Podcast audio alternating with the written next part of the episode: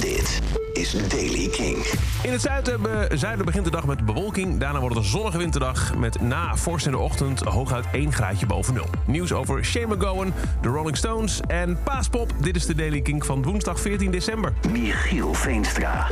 Shane McGowan van The Pokes is nog steeds in het ziekenhuis. Vorige week opgenomen, heb je kunnen horen in de Daily King. Maar zijn vrouw heeft goede hoop dat hij met kerst weer thuis zal zijn. Hij werd op 2 december eh, opgenomen. Hij had een aandoening waarbij de hersenen ontstoken raken. En ook kreeg hij gordelroos voorafgaand aan zijn opname in het ziekenhuis... wat zich naar zijn oog verspreidde.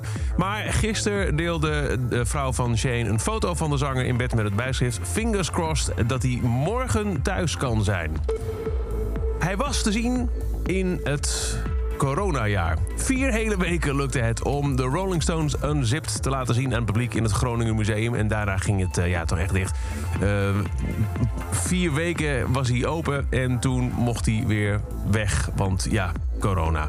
Eh, werd ooit geopend door Mick Jagger online in een goede hoop dat het allemaal nog goed zou komen in de tweede helft van 2020. Maar nee. Eh, de expositie komt echter terug. Vanaf 30 juni 2023 krijg je een nieuwe kans om te kijken naar ruim 400 originele objecten uit de Stones-verzameling. Denk aan dagboeken, kostuums, posters, albumcovers, audio en videomateriaal. Te veel om op te noemen. Vanaf 30 juni dus, volgend jaar, een tweede poging voor The Rolling Stones Unzipped in het Groninger Museum.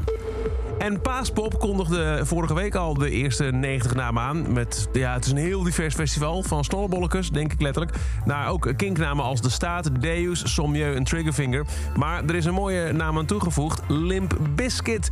Gisteren kon ik jou melden dat de band naar Nederland komt en een 013-show doet. Maar dus ook op Paaspop. Ze staan op de vrijdag 7 april eh, als headliner op de mainstage Apollo. Limp Bizkit dus de vrijdag headliner voor Paaspop 2023.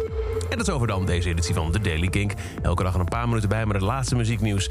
Wil je nou niks missen? Abonneer je in de Daily Kink. In de Kink-app kan dat heel makkelijk. Als je op podcast tapt, klikt, drukt...